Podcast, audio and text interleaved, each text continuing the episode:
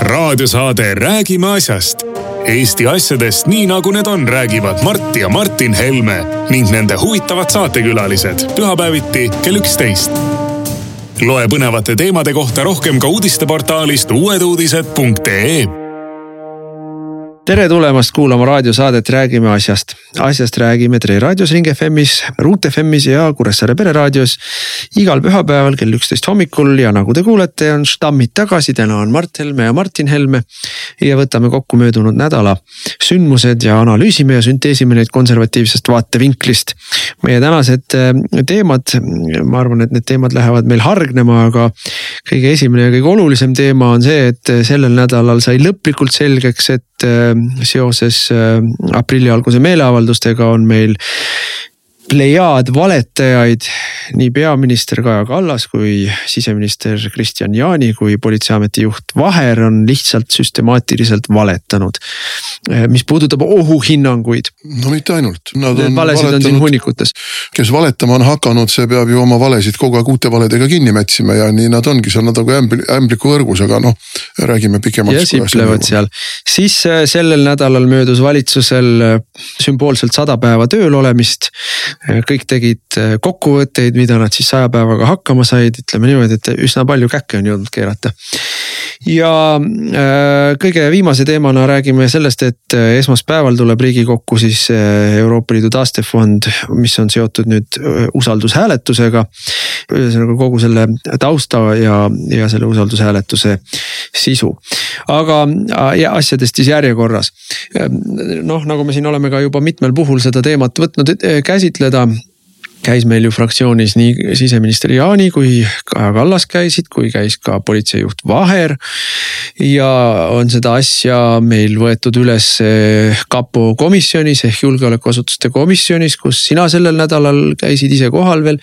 me oleme saanud kätte nüüd kõik need dokumendid, mille, mida, millele meile algselt on siis. meil oli ka eh, Üllar Lannoga. just täpselt jah, terviseameti juht Üllar Lanno. ja oleme kätte saanud kõik need dokumendid, mida meile alguses siis eh, toodi põhjuseks, miks oli vaja seda politsei käitumist äh, ma aprilli alguses äh, nagu ta oli. ja noh, võib-olla asjades sellisesse loogilisse järjekorda pannes, et meie esimene kriitika oli et äh, seda NETS-i seadust sellisel kujul ei ole vaja, sest et see äh, aitab Eestis tekitada politseiriiki. ja laie, laiemalt võttes äh, ka see, mida sa ütlesid nädala teisipäeval, selle nädala teisipäeval oli see NETS-i eelnõu lugemisel jälle ju riigikogus. komplektis teiste seadustega aitab tekkida režiimi Eestis. Huntat. Huntat just ja, ja, ja olime kriitilised selle eelnõu enda vastu, siis algasid spontaansed meeleavaldused, rahva meeleavaldused meeleavaldused Toompeal, täiesti rahumeelsed selgelt. ja nendele meeleavaldustele nädal aega reageeris äh, siis režiim sellega, et vaikis totaalselt maha. siin on eriti ilmekas see, kuidas režiimi teenistuses on meil režiimi meedia, meediatiib. ja, ja selle järel äh, väga jõuliste, väga provokatiivsete ja täiesti põhjendamatute võtetega takistati põhiseaduslike õiguste kasutamist ehk sõnavabadust, kogunemisvabadust, meelsusvabadust. mille peale me olime väga kriitilised ja seda, seda jõudemonstratsiooni, seda oma võimuvolituste ületamist hakati koheselt põhjendama sellega, et aga kapol oli ohuhinnang, mis ütles, et, et olukord oli nii ohtlik, et meil ei jäänud muud üle ja terviseametil oli oma ohuhinnang, mis ütles, et olukord oli nii ohtlik, et me pidime kasutama neid koeri ja neid. Need, need, seda raskerelvastust ja, ja, ja, ja, ja kogu seda Robocopi äh, välimusega äh, härgasid seal ja mina ei tea, miks nad hakkasid seda juttu rääkima, sellepärast et nad ju pidid aru saama, et, et põhimõtteliselt on, me saame need dokumendid kätte. aga nad ei ole siiamaani aru saanud ja kui on aru saanud, siis aeg-ajalt üritavad äh, teha omapoolseid samme meie kuidagi tasalülitamiseks, diskrediteerimiseks, sellest tuleb meil ka rääkida. aga nad, nad mingil määral toimetavad ikka nagu oleks äh, samasugune kartellierakondade olukord Eestis nagu, nagu on olnud, aastakümneid on olnud. ja, ja arvavad, et süüdimatult võib valetada, sest ega see vale ju kuskil välja ei tule. me ju kõik omad, me ju kõik mätsime üksteise valet oma valedega veel kinni ja, ja noh, tulevad uued uudised peale, uued sündmused tulevad peale. mida ise aidatakse tekitada. ja, ja noh, küll see vaikselt ära vajub ja, ja muidugi tõesti täpselt nii nagu sa ütlesid, et ühtedele valedele tuleb järgmised valed otsa mätsida, et need esimesed valed ei hakkaks äh, kuidagi välja paistma. no nii ja siin tuleb veel võib-olla veel kord omakorda täpsustada, et nii avalikkusele ehk siis meediale on ju Vaher selgesõnaliselt öelnud, et oht põhiseaduslikule korrale. ka Kaja Kallas on riigikogu ees Äh, nendes samades infotundides. Äh, noh, pisut erinevas äh, siis ähm, sõnastuses seda öelnud ja siseminister Jaani on ka riigikogu ees. põhjendanud seda jõudemonstratsiooni sellega, et kapo ohuhinnang ütles seda, et me, aga ma ei saa öelda, mida kapo ohuhinnang ütles, sellepärast et see on punase templi all. ja terviseameti ohuhinnang ütles seda, et meil ei jäänud midagi üle, me pidime sellest lähtuvalt tegutsema, no veel kord, me saame ju need dokumendid kätte, me oleme need dokumendid kätte no jaa, aga nende dokumentide kättesaamisega, nagu me oleme ka varem, varasemates saadetes rääkinud, tehti ju ka tsirkust. kuna nad ju teadsid, et seal ei ole seda, mida nad väidavad, et seal on, siis ju tehti igasuguseid hookuspookuseid selleks, et me e, e, ei saaks kätte, et venitada seda, et võimalikult väheste inimeste kätte seda saada. siis pandi loomulikult peale noh, kui, kui, et kuulajad teaksid, kui me läheme ruumi mis on ette nähtud äh, konfidentsiaalseteks vestlusteks ja dokumentidega töötamiseks. siis me sisenedes anname, kirjutame üles, mis kell me sisenesime ja anname allkirja anname allkirja ka sellele, et äh, nende dokumentide sisu äh, me ei tohi avalikustada, noh neid dokumente tsiteerida. anname ka oma telefonid ära ja kõik muu. ja kui me siis lahkume, näiteks oleme seal kümme minutit, siis me kirjutame sinna, et lahkusime sel ja sel kellaajal. ja anname jälle allkirja, et, et see on fikseeritud, et me sel kellaajal lahkusime. et äh, püüti tekitada siis selline olukord, et nädal aega viivitati nende dokumentide kättesaamiseks, lugemiseks. ja siis tehti nimekiri äh, näputäiest inimestest, kellel on õigus tutvuda äh, mis valik see seal oli, ma ei oskagi täpselt ütelda. ütleme suvavalik. sellepärast, et äh, selle taseme saladuse luba on kõikidel riigikogu liikmetel kõikidel riigikogu liikmetel. no ja, ja muidugi äh, bluff sinna juurde oli veel, tähendab huvitav, noh, need on võib-olla nüansid, mis ei omagi tähtsust, me kaldume natuke kõrvale põhiteemast, et bluff oli veel selles, et äh, tegelikult need dokumendid olid riigikogusse juba saabunud. Äh, riigikogu siis julgeolekuasutuste erikontrolli komisjoni põhiliige Gerd Kingo läks neid küsima. Need olid talle nimeliselt adresseeritud ja talle öeldi, ei, meil sellist paberit ei ole. ja siis, kui me hakkasime lamenti lööma, siis öeldi, et ups ikka on ja juba ammu on. ja aga meile tehti see teatavaks siis, kui oli riigikogus istungitevaba nädal, kui riigikogu saadikuid kohal ei olnud, et ja, ja kogu selle mängu mõte on loomulikult see, et ehk läheb, ehk läheb teema päevakorrast maha. aga noh, mida me saame öelda pärast kõikide nende paberite lugemist? Äh, esiteks muidugi ma ütleks, et äh, nendel paberitel punast templit vaja ei ole, seal ei ole riigisaladust, seal ei ole midagi sellist, mis paljastaks äh, julgeolekuasutuste töömeetmeid, meetodeid või, või nende mingeid allikaid see, see, see kõik on, see, see on, see on lihtsalt taustamemo, kus on kirjeldatud sündmusi, on loetletud üles mingisugused võimalikud ohud või riskid, mis võib juhtuda. Ja noh, täiesti üheselt tuleb öelda, nende ohtude või riskide hulgas ei ole kordagi mingilgi moel viidatud, et Eestis on, ma ei tea, riigipöörde oht või põhiseaduse toimimise oht või, või valitsuse toimimise oht, seda lihtsalt ei ole seal. ja seal ka lihtsalt ei ole eh, mitte mingisugust eh, juttu sellest, et see on kuidagi väljaspoolt ehk Kremli poolt organiseeritud või et seda üritavad ära kasutada äh, mingid välisagendid, seal ei ole seda. seal ei ole seda ja ometi käisid nädalate kaupa siseminister, peaminister, politseiameti juht ringi lisaks lisaks infotunnile, lisaks pressikonverentsidele ka meie fraktsioonis ja ütlesid, et seal oleva hoiatuse tõttu põhiseaduslikule korrale ja riigi toimimisele me pidime kasutama jõudu ja pidime nii jõuliselt käituma. ja see on vale, see on ühene vale, nad on valetanud riigikogule, nad on valetanud avalikkusele. ja nüüd on üritanud ajakirjandus jätta muljet nagu me nõuaksime Kaja Kallase ja siseministri ja politseiameti juhi tagasiastumist sellepärast, et, et kasutati ülemäärast jõudu. jah, ka see on põhjus, miks, miks nad peaksid ameti maha panema, vähemalt peaks panema, võtma, võtma äh, ametist maha Vaheri. kes kogu seda asja ju orkestreeris, see on ka selgeks meil saanud, Eesti riiki juhib meil politsei, politseikindral. kusjuures selle kindraliga on veel see, et kui mina olin minister, siis äh, tuli PPA-st ettepanek Elmar Vaherile anda täiskindrali pagunid. mina ütlesin, et ma ei anna neid sest tal on olnud siin pahandusi, me meenutame neid saapaid, meenutame kõrvaklappe, meenutame äh,. hariduse võltsimist. haridusdokumentide võltsimist ja meil oli üks teine teema samuti päevakorras äh,. mis millegipärast kadus päevakorrast, kui mina ministriametist lahti sain. aga seda ma ei hakka siin praegu pikemalt rääkima, sest et noh seda teemat praegu ei ole ja mul ei ole ka sellekohaseid dokumente. aga, aga see teema oli päevakorras ja ma ütlesin, et, et mina sellega nõus ei ole. ja kuna see on ministri äh, õigus kuppusid anda, kuppusid peale panna, siis äh, jäid need andmata. kui Kristian Jaani sai ministriks, siis umbes kaks nädalat oli ta minister olnud, kui ta andis Vaherile kindralipagunid. noh, ma ei oska öelda, kes siis kellele andis või kes kellelt nõudis. aga, aga see on ka muidu omamoodi, omamoodi näitaja.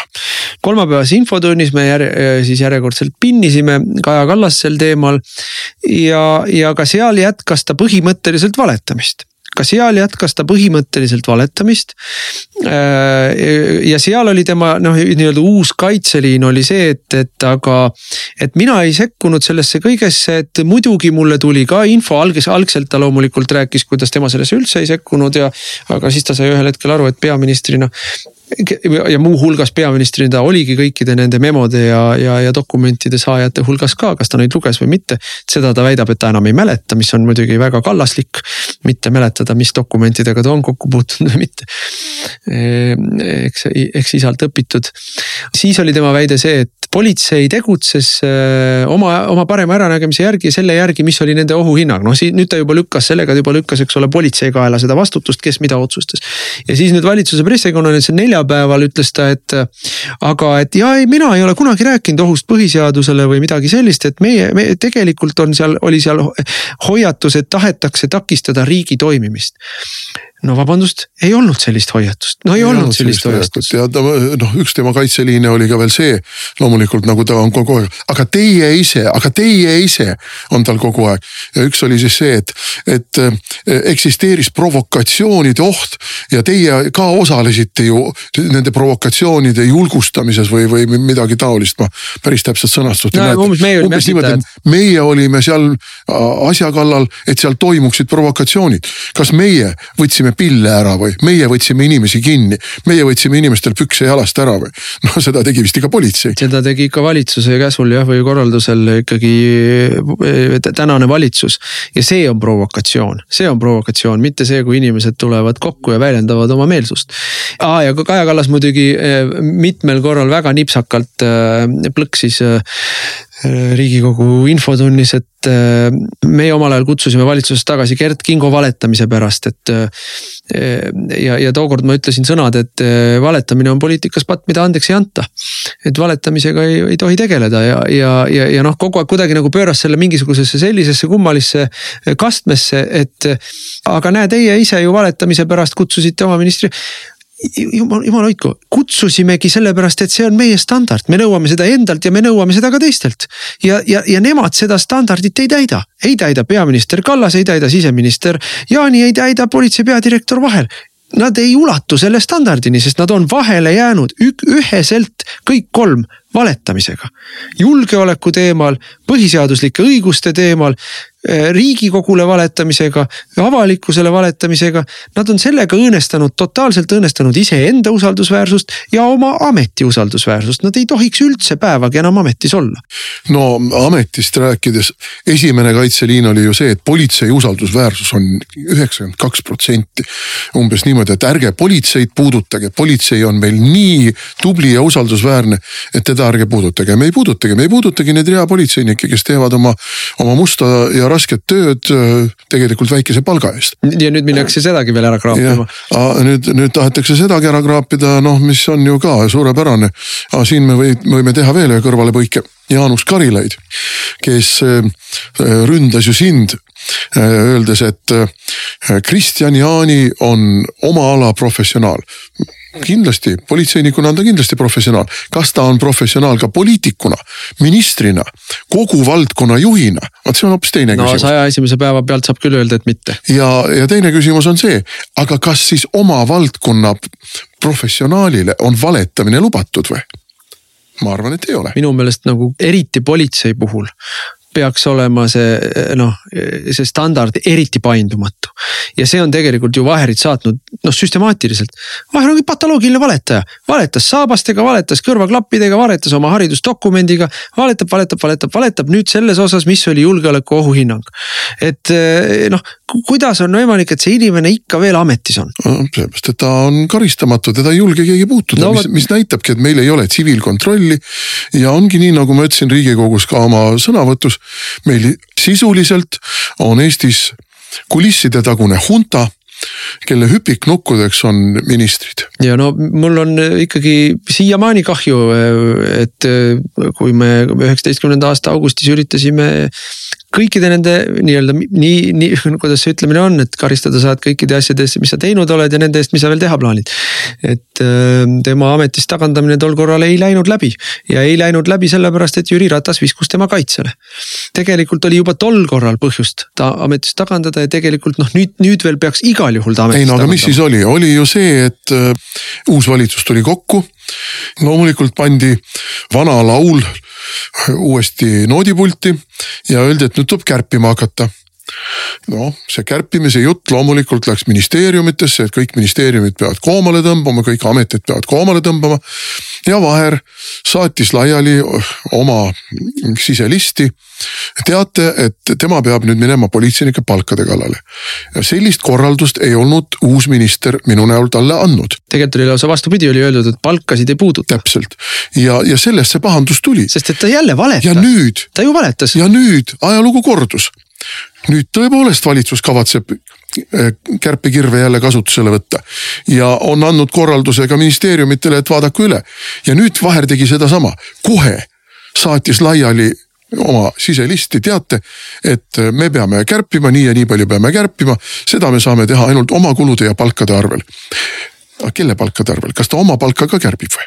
no vaevalt. tal on üks Eesti suuremaid palkasid just, aga nüüd eh, ühe võib-olla siis eh, sellise eh, nüansi siia juurde, mis ka ilmestab minu meelest nii siseministri kui politseiameti peadirektori moraalset palet, et teisipäeval toimus jälle NETS-i teine lugemine riigikogus ja maja ees oli jälle meeleavaldus ja selle peale tuli üks Keskerakonna saadik nimega Kravtšenko, kellest ei ole mitte keegi mitte kunagi mitte midagi kuulnud ja kes mitte, see puudutab puudutab muide ka tema kolleege riigikogus.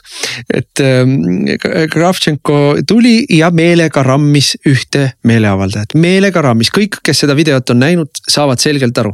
Äh, ta jõudis inimeseni pidas korraks kinni ja siis vajutas gaasi. Volvo esindus on teatanud, et Eh, toimus automaatpidurdus, et sellel Volvo mudelil on automaatpidurdus, et kui jõutakse takistuseni, siis auto pidurdab iseenesest. nii, aga tema vajutas siis gaasi. nii, auto jäi korraks seisma ja ta vajutas kohe gaasi ja müksas, müksas seda meeleavaldajat. ja siis läks minema sealt veel ja see meeleavaldaja tegi sarkastilise märkuse, et oi aitäh mille peale ta ütles, ole lahke, palun, palun. või noh, umbes mingid sellised sõnad, ma sõna-sõnalt ei mäleta. ja politsei teatas, et äh, nemad ei alusta midagi, nemad, nemad ei näe kuskil mingit koosseisu.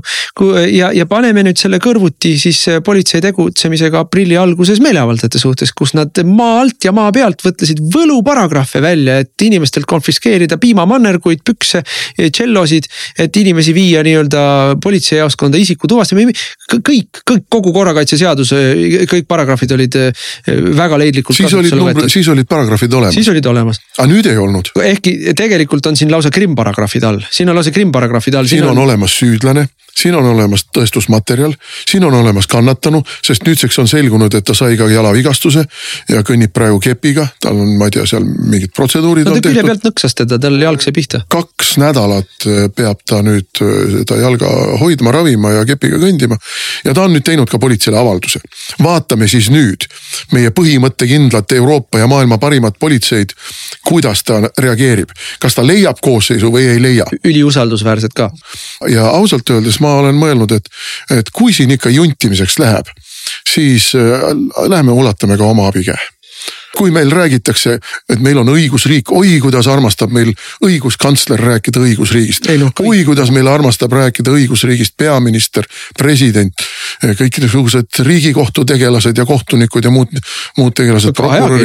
kõik meil on õigusriik, ainult et siis, kui õiglust on vaja meil õigusriiki tihtipeale ei ole. no asi on ju väga pikantne, kui Kravtšenkol näiteks panna äh, ette paragrahv, äh, mis tähendab tahtliku liiklusõnnetuse põhjustamist või tahtliku kehavigastuse põhjustamist, need on para, kriminaalparagrahvid. kui talle panna sinna otsa näiteks äh, liiklusõnnetuse sündmuskohalt lahkumine, siis see on ka kriminaalparagrahv. kui need asjad jõuaksid päriselt kohtusse, kui meil prokuratuur nüüd äkki avastaks, et on väga usin, siis Kravtšenko ju äh, süüdimõistmise korral jääks riigikogu kohast ilma. aga noh, siin on ka sümptomaatiline see, mismoodi käitus kodupartei Keskerakond. ei näe, ei kuule pole probleemi, ei kõik. no Aab ütles neljapäeval aga... Jaak Aab, kes on üks potentsiaalne Keskerakonna uus esimees, kui Jüri Ratas peaks lahkuma ühel, teisel, kolmandal põhjusel. no me peame Igoriga rääkima ja ta peab meile oma selgitused andma ja siis me otsustame, mis me teeme. jälle aja võitmine, jälle piima loksutamine mannergus ehk läheb, võiks kätte ära. Ja, ja siis ei ole vaja enam tegeleda ja no vot ja nende kõikide nende inetute uudiste ja sündmuste valguses, millega praegune valitsus hädas on.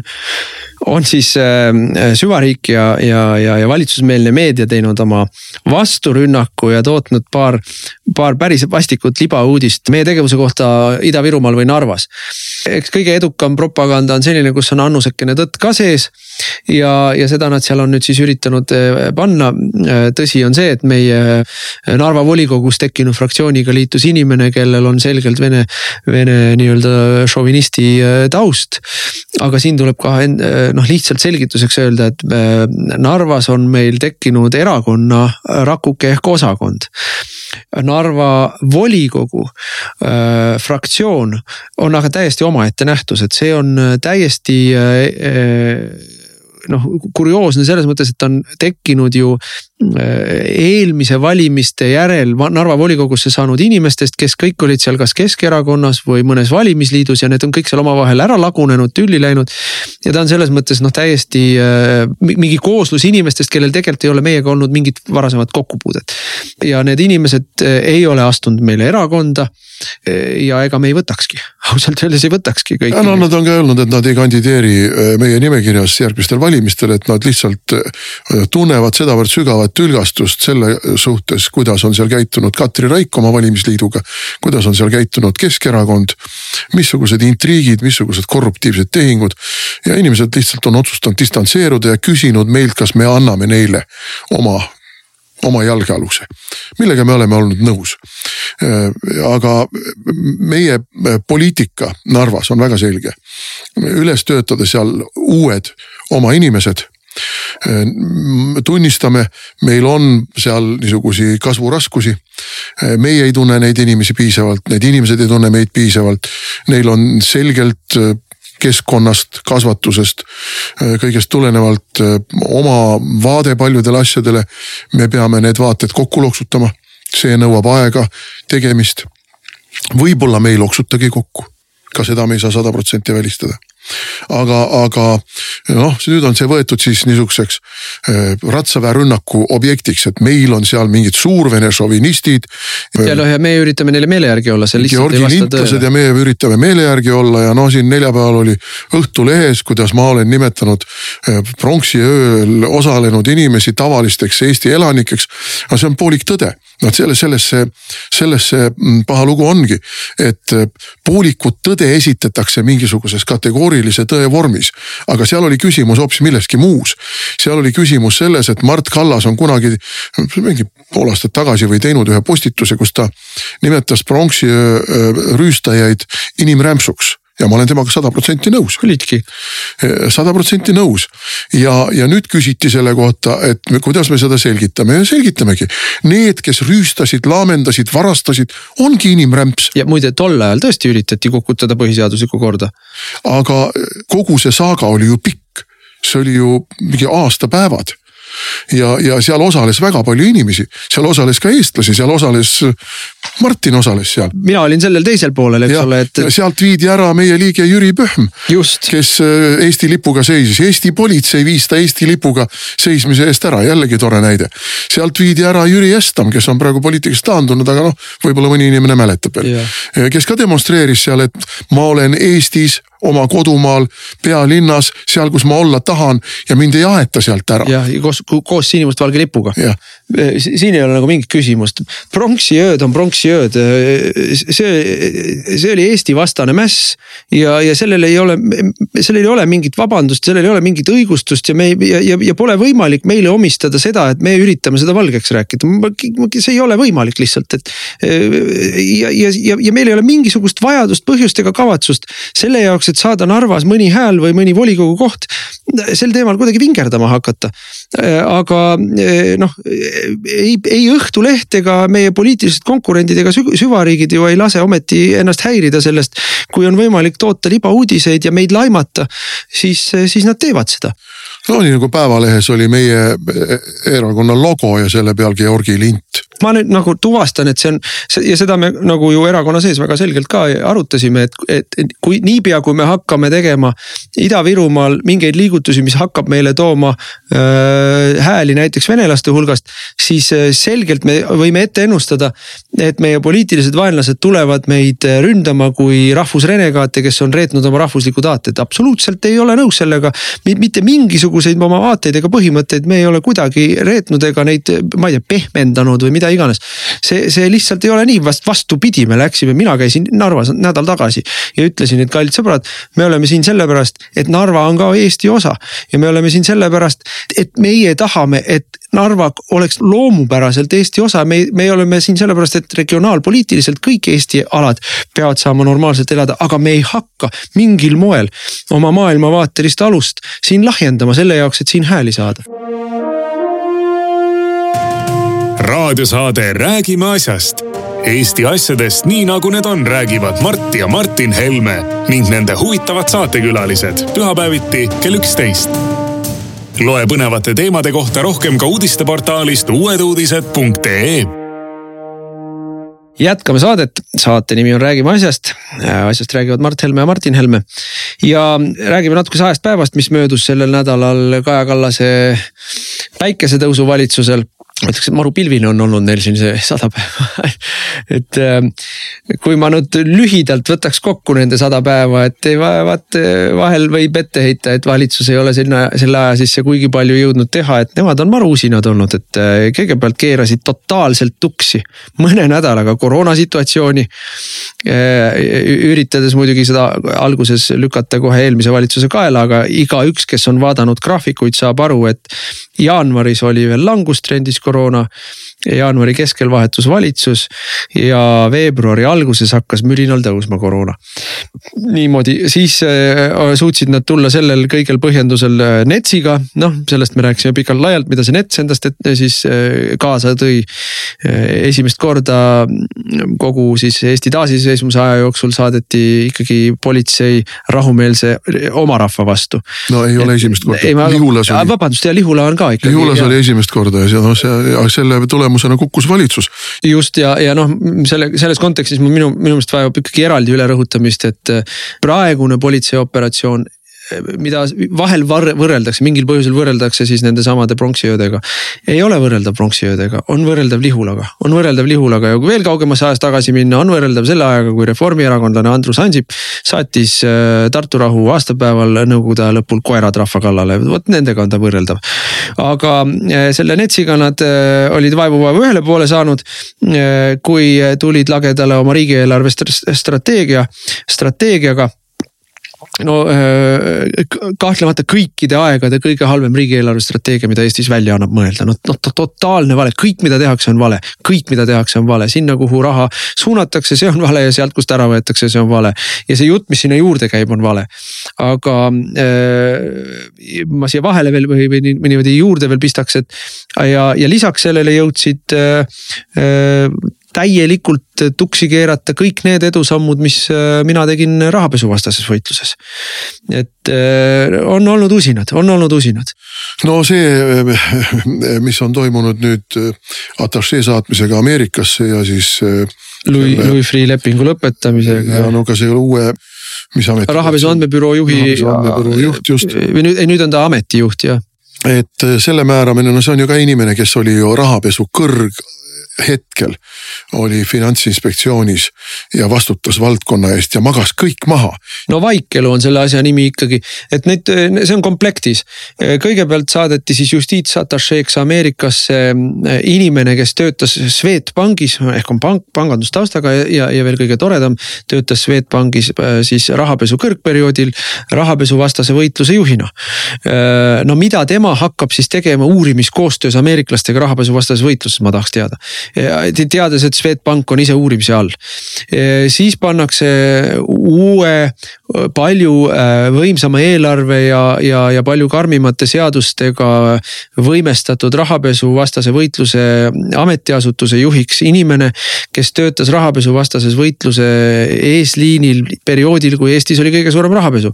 no mida tema hakkab siis seal tegema? põhimõtteliselt ta ju ei saa hakata tegelema minevikus tehtud vigade äh, siis parandamisega, sest et äh, need vead on ju ka osaliselt tema vastutuse peal. see on kõik ikkagi räägib ainult üheselt sellest, et tänane valitsus süstemaatiliselt tegeleb minevikus tehtud äh, rahapesu asjade kinnimätsimisega. süstemaatiliselt läbi personalipoliitika. ja noh, kui sinna kõrvale veel panna see, et nad lõpetavad lepingu Louis Freeh'ga, mis oli, mis oli tõesti edukalt liikus, kus ütlused, materjalid laekusid asja uuriti erinevalt prokuratuurist, mis ei ole üheski asjas mitte midagi uurinud. et see lõpetati ära, ainus tegelik uurimine lõpetati ära, no siis no heatahtlikku selgitust sellele kõigele pole lihtsalt. aga, aga noh, selle saja päeva kohta Kaja Kallas ise andis endale väga hea hinde, et sajast protsendist kaheksakümmend seitse täitis. enam-vähem sama suur protsent inimesi arvab, et, et ta on halvasti hakkama saanud. Kaheksakümmend protsenti umbes Postimehes oli, oli vist seitsekümmend kaks protsenti, kes leidsid, et tema eh, hinne tema tööle on üks või kaks noh, siis oli seal kolme oli ka natuke ja, ja küllalt arvestatav oli, kellel ei olnud arvamust. Ja vist kanal kahe küsitluses oli kas kaheksakümmend kaks protsenti või midagi niisugust, kes leidsid, et ta ei ole hakkama saanud. et no need on ikkagi küllaltki kõnekad numbrid mina ka ei näe, kuidas on võimalik endale selliseid äh, suurepäraseid hindeid panna, see on muidugi eraldi küsimus. isegi peavoolumeedia, kes ju äh, noh, igati püüab pehmendada seda kõrgelt kukkumist on sunnitud tunnistama, et no rahuldavad, et üle rahuldava ei saa panna. noh, ja, ja noh, tegelikult Postimees palus mul ka kommenteerida, aga nagu ikka Eesti ajakirjanikud tahavad, et keegi teine teeks nende eest suure töö ära ja siis nad saaksid oma ajaleheruumi täis. mul lihtsalt ei olnud aega vastata sellele, et ma igat ministrit ükshaaval analüüsiks ja hindaks, no, no teate, poole päeva töö noh, et lõpetage ära. ja, ja noh, kui ma, kui ma mõtlen selle peale, et meil käis sellel nädalal riigikogu infotunnis välisminister. Ja, ja mul hakkas inimesest, mul, mul peaaegu hakkas kahju, mul nii suur süda ei ole. et kui sa ikkagi oled võtnud vastu ministriameti, siis äh, sa ei saa ju eeldada, et see on amet, kus noh, sulle antakse antakse andeks see, et sa antakse ei saa hakkama. ei, antakse andeks see, et sa lihtsalt ei ole oma ülesannete kõrgusel, no sa lihtsalt ei ole, noh ta, ta, need tema põhjendused, miks meil on vaja ikkagi piirilepingut, äraandlikud piirilepingut Venemaaga. mis on ka selle saja päeva saavutuse sees. minna, minna noh, totaalselt äh, konfliktikursile mm, Venemaaga kõikides muudes valdkondades, saata välja diplomaate ja võtta siin positsioone ja, ja panna üksteist eh, siin mingitesse eh, ma ei tea, mis sanktsioonide nimekirjadesse. Eh, aga samal ajal ikka veel minna ja pakkuda, et olge nüüd head, võtke see meie viis koma kaks protsenti territooriumist ja, ja, ja, ja võtke see võimalus öelda, et me ise loobusime oma õiguslikust järjepidevusest. sest siis meil on suhted paremad, no see on niivõrd skisofreeniline või, või, või absurdne positsioon ja sinna juurde veel veenda iseennast, sest mitte kedagi teist minu meelest ei ole võimalik veenda. et see kuidagi aitab meie julgeolekut, noh, see on, no seda oli lihtsalt, seda oli õudne vaadata. no ma ütleksin, et äh, ta on inimesena ilmselt soe ja sümpaatne inimene ma ei tunne teda küll nii hästi, et ma võiksin seda sada protsenti kinnitada. ja välisminister ei ole lihtsalt diplomaat, et inimene, kes on diplomaadina töötanud siin ja seal ja kolmandas kohas. diplomaat saab suunised diplomaat teeb seda, mida talle ette kirjutatakse ja võib olla üsna papagui. ja võib ka muide olla mm, selles mõttes äh, lihtsalt hea suhtleja, sest tema ülesanne on kohapeal suhe, võimalikult hästi suure äh, suhtlusringkonnaga läbi käia. koguda kogu... infot, kirjutada memosid. just ja... täpselt, et. sa ei saa olla minister ja minu soovitus oleks talle, et äh, öelgu, et oli huvitav aga on vaja edasi siirduda uute väljakutsete juurde. no sel nädalal, vist oli sel nädalal ka sihuke väike nupu-uudis, kuidas Jaani, Kristjan Jaani ja Liimets ikka veel ei ole erakonda astunud. no Jaani lubas maikuu jooksul astuda. jah, no minu nõuanne neile on mitte astuda, et äkki siis on mingi karjäärilootus pärast veel ja, ja see võib varsti tulla, eks ju. kui me vaatame seda, mismoodi tänane valitsus laperdab igast otsast ja, ja, ja, ja kuidas nad oma, oma, oma, oma usalduskrediiti, oma ma ütleks ka, et eh, meeldib see meile või mitte, Reformierakonnal oli siiski ka arvestatav poli-, populaarsus. kuidas nad seda noh, ikka kahe käega ja kahe jalaga maha mängivad. siis eh, ma, ma ei ole enam kindel, et nad jaanipäevani vastu peavad, ma arvasin kogu aeg, et eh, valitsus laguneb ära siin sügisel, aga see, see, mis praegu toimub Eestis selle valitsusega see on õudus lihtsalt ju. noh, ma ütleks, et mõlemad käivad juba meie rinnal nutmas üksikasjadesse laskumata. selles mõttes eh, püsivad ka halvimad kooslused koos ju sellel põhjusel, kui ei ole alternatiivi. ja, ja mis siis on tänasel päeval riigikogus alternatiiv sellele valitsusele, noh, mina ütlen täiesti ilma igasuguste reservatsioonideta, tänane valitsus on kõige halvem kombinatsioon, mis üldse olla saab nii selles riigikogu koosseisus kui ka erinevates varasemates. sest et see on kaks padu paduliberaalset, täiesti põhimõttelagedat, europugejalikku ja olulisel määral vasakpoolset erakonda, kellel mõlemal on omad kiiksud. no Reformierakonna kiiks on, eks ole, tasakaalus eelarve ja kärped, kärped, kärped. noh, Keskerakonna kiiksud on natuke teised kiiksud. Reformierakonna kiiks on, eks ole, kliimapööre ehk tappa ära meie enda energiamajandus. sellega tuua kaasa toasooja hinna kallinemine, sellega. aga nüüd käivad juba ka vaiksed jutud et on vaja maha parseldada meie fosforiit et on vaja hakata uurima, on vaja leida investor, on vaja erastada. et sellised jutud on hakanud liikuma. avalikkusele neid ei ole veel laua peale visatud.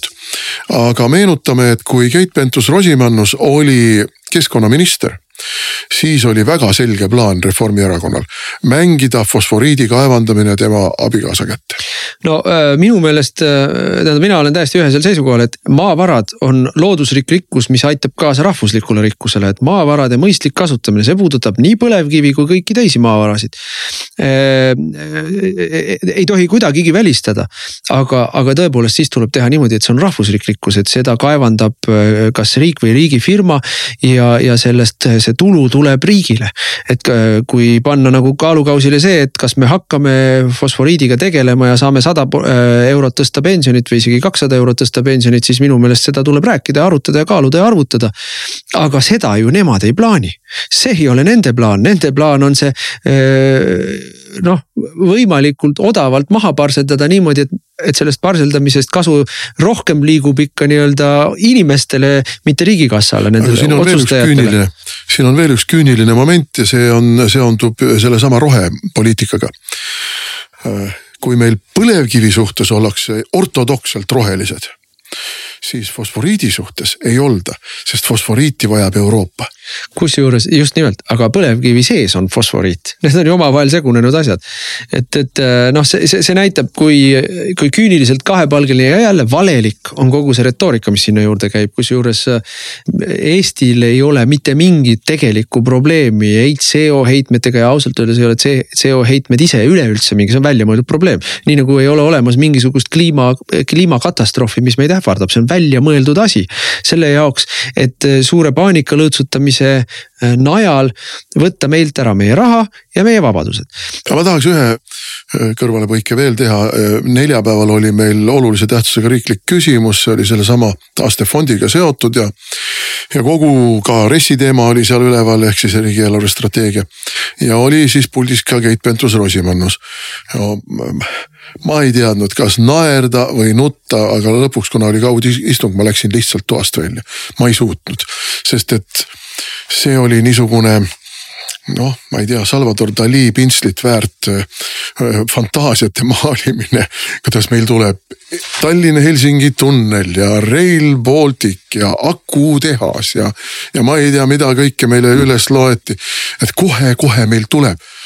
kulla kallis naisterahvas järgneva kahe, vähem kui kahe aasta jooksul, mis on järgmiste valimisteni. Neid asju ei tule.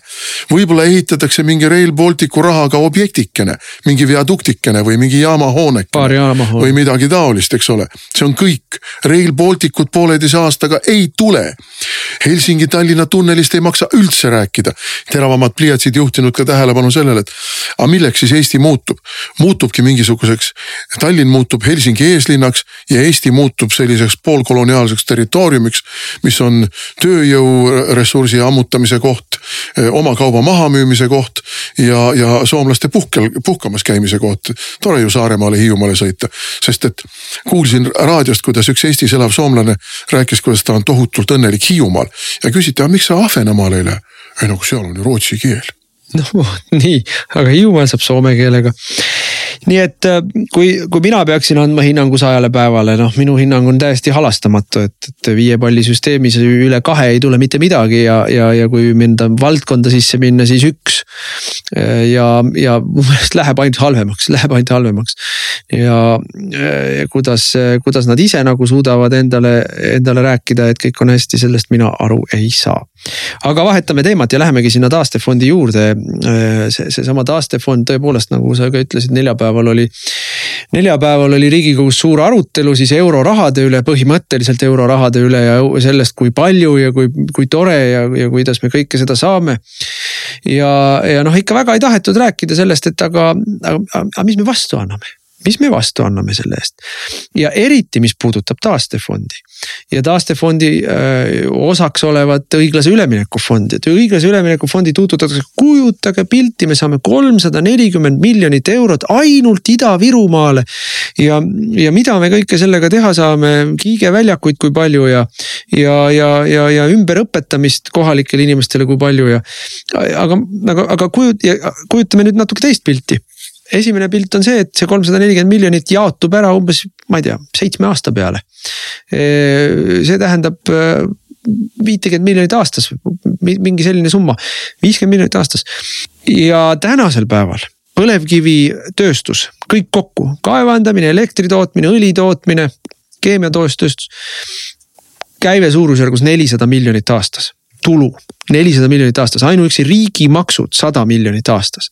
ehk juba riigimaksud on kaks korda suurem. mis sellest saab? kui see viiskümmend miljonit, mida selle õiglase ülemineku fondiga seal pritsitakse laiali põhimõtteliselt kohalikele omavalitsustele ja MTÜ-dele öö, ütleme noh, nii nii-öelda euro rahatamise projektitamiseks. ja, ja see lõpeb ära viie aasta pärast, aga põlevkivi käib igal aastal kogu aeg ja see on ekspordiraha. see ei asenda mitte kuidagi mitte midagi mitte midagi ei asenda. On... ei no aga kelleks sa selle energeetiku ümber õpetad? kelleks? see on uskumatu, millist bluffi sellega aetakse ja see, ja see on, see on nagu, see on selline mikrokosmos sellest, mida need eurorahad endast ikkagi kujutavad, kõik need miljardid, mis meile antakse. on väga täpselt ette kirjutatud, sinna tohid kasutada, sinna ei tohi kasutada, Rail Balticu ehitamiseks palun väga, poolteist miljardit, vuh, sõidab. aga kui sa tahad ehitada neljarealist maanteed, ei ei, sinna ei saa. tahad ehitada mingisugust korralikku tööstust, ei, sinna ei saa, roheasja saad ainult teha, päikesepaneele saad veel juurde ehitada, et. et see esiteks on see raha, mis läheb asjadele, mida mitte meil endal ei ole vaja, vaid mida Brüssel on arvanud, et kas neil läheb vaja või neil läheb või läheb neil nende meelest meil vaja. teiseks selle raha kulutamisel on väga suur hind nii rahalises mõttes kui ka mm, poliitilises mõttes, et taastefond mida meile kõik räägivad, et oi, me saame palju raha ja see on, osa sellest on tagastamatu raha väga ilus jutt ja vastab tõele, aga tagasimaksmine, sellest ei räägi keegi, tagasimaksmine toimub hiljem. Mille arvelt tagasimaksmine toimub, keegi otse välja ei ütle, aga tegelikult toimub Euroopa Liidule maksustamisõiguse andmisega. Ehk Euroopa Liit hakkab ise kehtestama makse. ise otsustab, mida ta maksustama hakkab, kui suure määraga maksustama hakkab. Ja kogu see raha jookseb Euroopa Liitu otse, see ei tule Eesti eelarvesse, vaid see tuleb Euroopa Liitu. Meil puudub sõnaõigus selles Eesti valimistel kaob ära mõte pidada maksudebatti, kas aktsiisid üles-alla, kas alkoholi nii palju, diislit naa palju. kaob mõte ära, sest Brüssel on ära otsustanud juba. ja millise kangiga meie seal Brüsselis otsustame, et ei, meile see maksumäär ei meeldi. EKRE tuleb valimistel välja loosungiga, et alandame seda makse, ei ole võimalik prantslased, sakslased on juba kokku leppinud, et määr on teine. ja, ja, ja lisaks see, see on nüüd nagu nii-öelda raha tõstmise pool, aga raha kulutamise ehk ärapanemise pool. aina suurem ja suurem osa meie eelarvest läheb lukku Euroopa Liidu kaasfinantseerimisele. kõigepealt liikmemaks, mis igal aastal tõuseb, mis on äh, mitusada miljonit eurot aastas. teiseks äh, kaasfinantseerimine, äh, mis kogu aeg kasvab Euroopa Liidu eelarves, vanasti oli kümme, viisteist protsenti, nüüd on juba kolmkümmend, nelikümmend protsenti. ja, ja järgmistes eelarveperioodides kasvab kasvab veelgi, ehk siis me lööme suur, aina suurema ja suurema klotsi kogu oma eelarvest lukku asjade peale, mida on otsustanud, et Brüssel on otsustanud, et me peame kulutama. Ja kolmandaks äh, äh, on täiesti selge, et alates kahe tuhande kahekümne seitsmendast aastast Eesti muutub Euroopa Liidus pealemaksvaks riigiks, mitte ei ole niimoodi, et oi iga euro kohta, mis me, mis me sinna oleme Brüsselile saatnud, me saame kaks või kolm või neli eurot vastu. vaid siis on ikkagi niimoodi, et iga euro, mis me Brüsselist saame, me saadame ära veel sinna üks või kaks eurot äh, rohkem et see on see hind ja, ja sellest keegi rääkida ei taha. ainult silmad on suured nagu tõllarattad, et oi, me saame palju raha, aga maksma peame veel rohkem. ära lollitatud ja inimesed usuvadki, et me saame ju noh, nagu siin on öeldud, me saame sealt eh, miljardi me saame seal miljardi ja, ja on umbes niimoodi, et see on meie raha ja me teeme sellega, mida tahame, ei ole meie raha ja ei tee, mida tahame, selles see probleem ongi. no aga valetamisvalitsuse esivaletaja Keit Pentus-Rosimannus käib ringi ja räägib, kuidas Martin Helme jättis eelarvesse kaheksasaja miljoni eurose augu. mis ei vasta muidugi tõele, see on noh, täielik jama, see on ütleme siis numbrimaagiatest üks võimalik demagoogiline tõlgendus. no ja, ja kust see miljard on umbes saadud, ma noh, ma võin hästi lühidalt ilma pikka detaili minemata kui tehakse mingi viie aasta või kümne aasta pikkune prognoos. ja siis öeldakse, et vot meil on äh, pensionikulude kasv on nii suur ja maksutulude kasv on nii suur ja, ja mingisugused muud, muud asjad on seal nii suured, siis käärid on seal igal aastal seal, ma ei tea, kuuskümmend miljonit või kakskümmend miljonit või. ja siis, kui me kümne aasta peale selle lahti äh, venitame, siis saamegi sealt, ma ei tea, sada või, või, või, või, või, või kaheksasada miljonit, et noh, see kõik on, see kõik on täielik hookus-pookus, sellel ei ole päris eluga ja päris rahadega mitte mingit pistmist. no me nägime valitsuses ju nüüd ka räägitakse sellest, kuidas noh, suvine prognoos, et siis me täpsustame seda riigieelarve strateegiat ja kõike nii ja nii naa. aga tegelikult me teame väga hästi, et see suvine prognoos ei muuda mitte midagi. see on mingisugused komakohakesed kuskil. see, mida see RES tegelikult teeb ja mida see taastefond ja õiglase ülemineku fond ei tasanda ära, on kõige kaelalükkamine Eesti inimestele. ja no ja regionaalpoliitiline kägistamine, kui sa ei tee neljarealisi maanteid, siis sa annad põntsu regionaalpoliitikale, kui sa võtad huvihariduselt raha ära, siis sa annad põntsu regionaalpoliitikale. kui sa tõstad elektri hindasid, diisli hindasid ja gaasi hindasid, siis sa annad põntsu regionaalpoliitikale. see on kõige, kõige hävituslikum, vaenulikum regionaalpoliitiline res, mida mina oma elus olen näinud ja seda, sellega on nõus olnud Keskerakond, kes on rääkinud aastakümneid, kuidas nemad seisavad maapiirkondade eest, nalja teete või? maapiirkondade eest seisja äh, Urmas Kruuse, kes lõi lamenti maasikakasvatajate pärast. kui meie valitsuses olime, et me ei anna neile odavaid ukrainlasi. nüüd äh, äh, on enda vastu üles ässitanud kõik põllumajandusorganisatsioonid, sest teates, et ta võtab Eesti oma tõuaretuselt ja, ja sordiaretuselt, ma võin eksida, kui sordiaretuse siia ka panen, aga tõuaretuselt kindlasti kõik abirahad ära ja, ja täna helistas mulle üks inimene, eh, kes on seotud hobusekasvatusega, Tori hobusekasvatusega ja ütles, et, et tulge appi, tulge palun appi. kõik põllumajandusorganisatsioonid on praegu ühe mütsi all ja otsivad poliitikas liitlasi, kes aitaks selle plaani selle Ja. plaani kõrvale lükata. no vot, aga kus nad aasta tagasi olid, kui meil oli vaja appi tulla, kõik, kõik no need, ma, kes ei ma olnud. muidugi ütlen, et ma nii väiklane ei ole, et ma hakkan nüüd siin tagasi tegema. et kuna ma maaelukomisjonis olen, sellepärast minu poole ka pöörduti. aga äh, tõepoolest äh, siin, siin on äh, koht ka meie liikmete hulgas, ma tean, Pärnumaal on ju, on ju maatõugu karjakasvatajad ja, ja maatõugu karjakasvatus, noh, maatõud on need, mis on kõige äh, haiguskindlamad, kõige vastupidavamad kohalikes tingimustes. Nad on väga olulised ja meil on maatõugu lambad, meil on maatõugu lehmad, meil on oma hobused. loomulikult neid kõiki tuleb säilitada.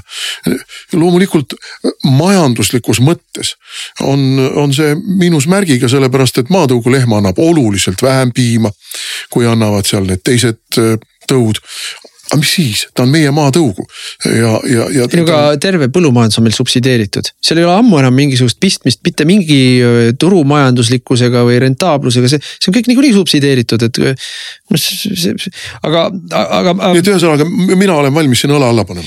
nii, me peame taasterahastu juurde tagasi tulema, et, et noh, põhi, põhiasi, mis meil ikkagi tuleb ära, noh selgelt ära, selgelt ära fikseerida, on see, et, et taasterahastu otsuse eelnõu riigikogus põhimõtteliselt muudab meie põhiseadust. Põhiseadus ütleb, et Eesti maksu kehtestamise õigus on ainult riigikogul. et Eesti eelarve kehtestamise õigus on ainult riigikogul. et Eestile riigile kohustuste võtmise õigus on ainult riigikogul. ja nüüd tuleb meile riigikogusse otsuse eelnõu kahe lugemisega, mis annab ära kõik tulevased maksu kehtestamise õigused, eelarve äh, suveräänsuse annab ära. ja, ja, ja, ja keegi ei kõssagi see on sisuliselt põhiseaduse kiireloomuline muutmine, see vajaks riigikogus neljaviiendikulist häälte enamust. ja, ja ainus, mida meile selle kõige juures räägitakse, riigiõigusest ei räägita mitte midagi. tulevastest majanduslikest valikutest, maksulistest valikutest ei räägita mitte midagi. ainus, mis räägitakse, on see, et ärge, mis teil, mis teil selle vastu on, eest, me hakkame raha saama. see on ju, sa müüd iseennast praegu laenu, maha ju orjusesse. ei saa ju raha, me saame laenu no laenu ka just täpselt, et see on ju laenuraha, me peame seda laenuraha tagasi hakkama maksma, kusjuures me hakkame seda laenuraha tagasi maksma ka nende riikide eest, kes ka seda raha saavad ja saavad rohkem, kui nad tagasi maksavad, ehk me hakkame laenu tagasi maksma Itaaliate, Hispaaniate, Kreekade, Prantsusmaade, Portugalide eest. et noh, ja, ja kui nemad ühel hetkel ütlevad, et sorry, meil ei, me ei jaksa tagasi maksta, siis jagatakse see pott ära nende vahel, kes jaksavad maksta, ehk meile tuleb ka nende osa. et siin on nii palju nii suuri, nii õudsaid asju sees, et loomulikult me oleme kategooriliselt sellele vastu. ja, ja siin on noh ju vaja ära õiendada ka see, et Jürgen Ligi eriti räägib, et aga eelmisel aastal te olite sellega valitsuses nõus. ei, ei olnud, ei olnud sellise asjaga, me ei ole valitsuses nõus olnud. valitsuses olles me olime nõus sellega, et Eesti on nõus ühekordse sellise nii-öelda abipaketiga. kui see ei too kaasa maksuõiguse äraliikumist, eelarveõiguse äraliikumist, uute maksude kehtestamist ja, ja seal olid mõned muud tingimused veel, mida kõiki on rikutud. ja ütlesin kohe, et kui see tuleb ratifitseerimisele, siis on üsna kindel, et meie oleme riigikogus fraktsiooniga sellele vastu. ja ja, ja see joon on olnud meil aasta otsa väga ühene. ning kuna me oleme selle vastu, siis me loomulikult üritame takistada seda riigikogus ja tegimegi, tegimegi teadlikult obstruktsiooni ettepanekuid sellele eelnõule, tegime nii palju et tegelikult sellega riigikogus edasi minna ei ole, ei olegi võimalik normaalselt. ja noh, valitsus on otsustanud nüüd selle siduda usaldushääletusega, usaldushääletusega sidumine tähendab kahte asja, esiteks seda, et ei pea menetlema ühtegi parandusettepanekut, need pannakse kõik korraga hääletusele ja poolt või vastu.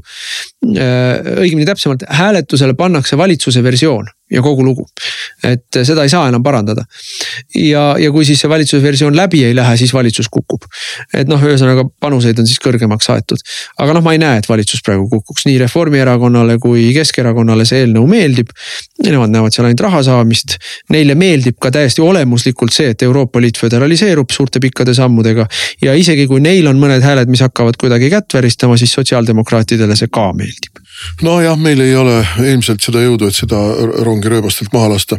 aga noh, eks me siis peame selle võitluse viima sissisõja taktika tasemel. noh, igal juhul tuleb ka see, tähendab tegelikult oleks täiesti loomulik või normaalne, et õiguskantsler viib selle põhiseaduslikkuse kontrolli Äh, riigikohtus.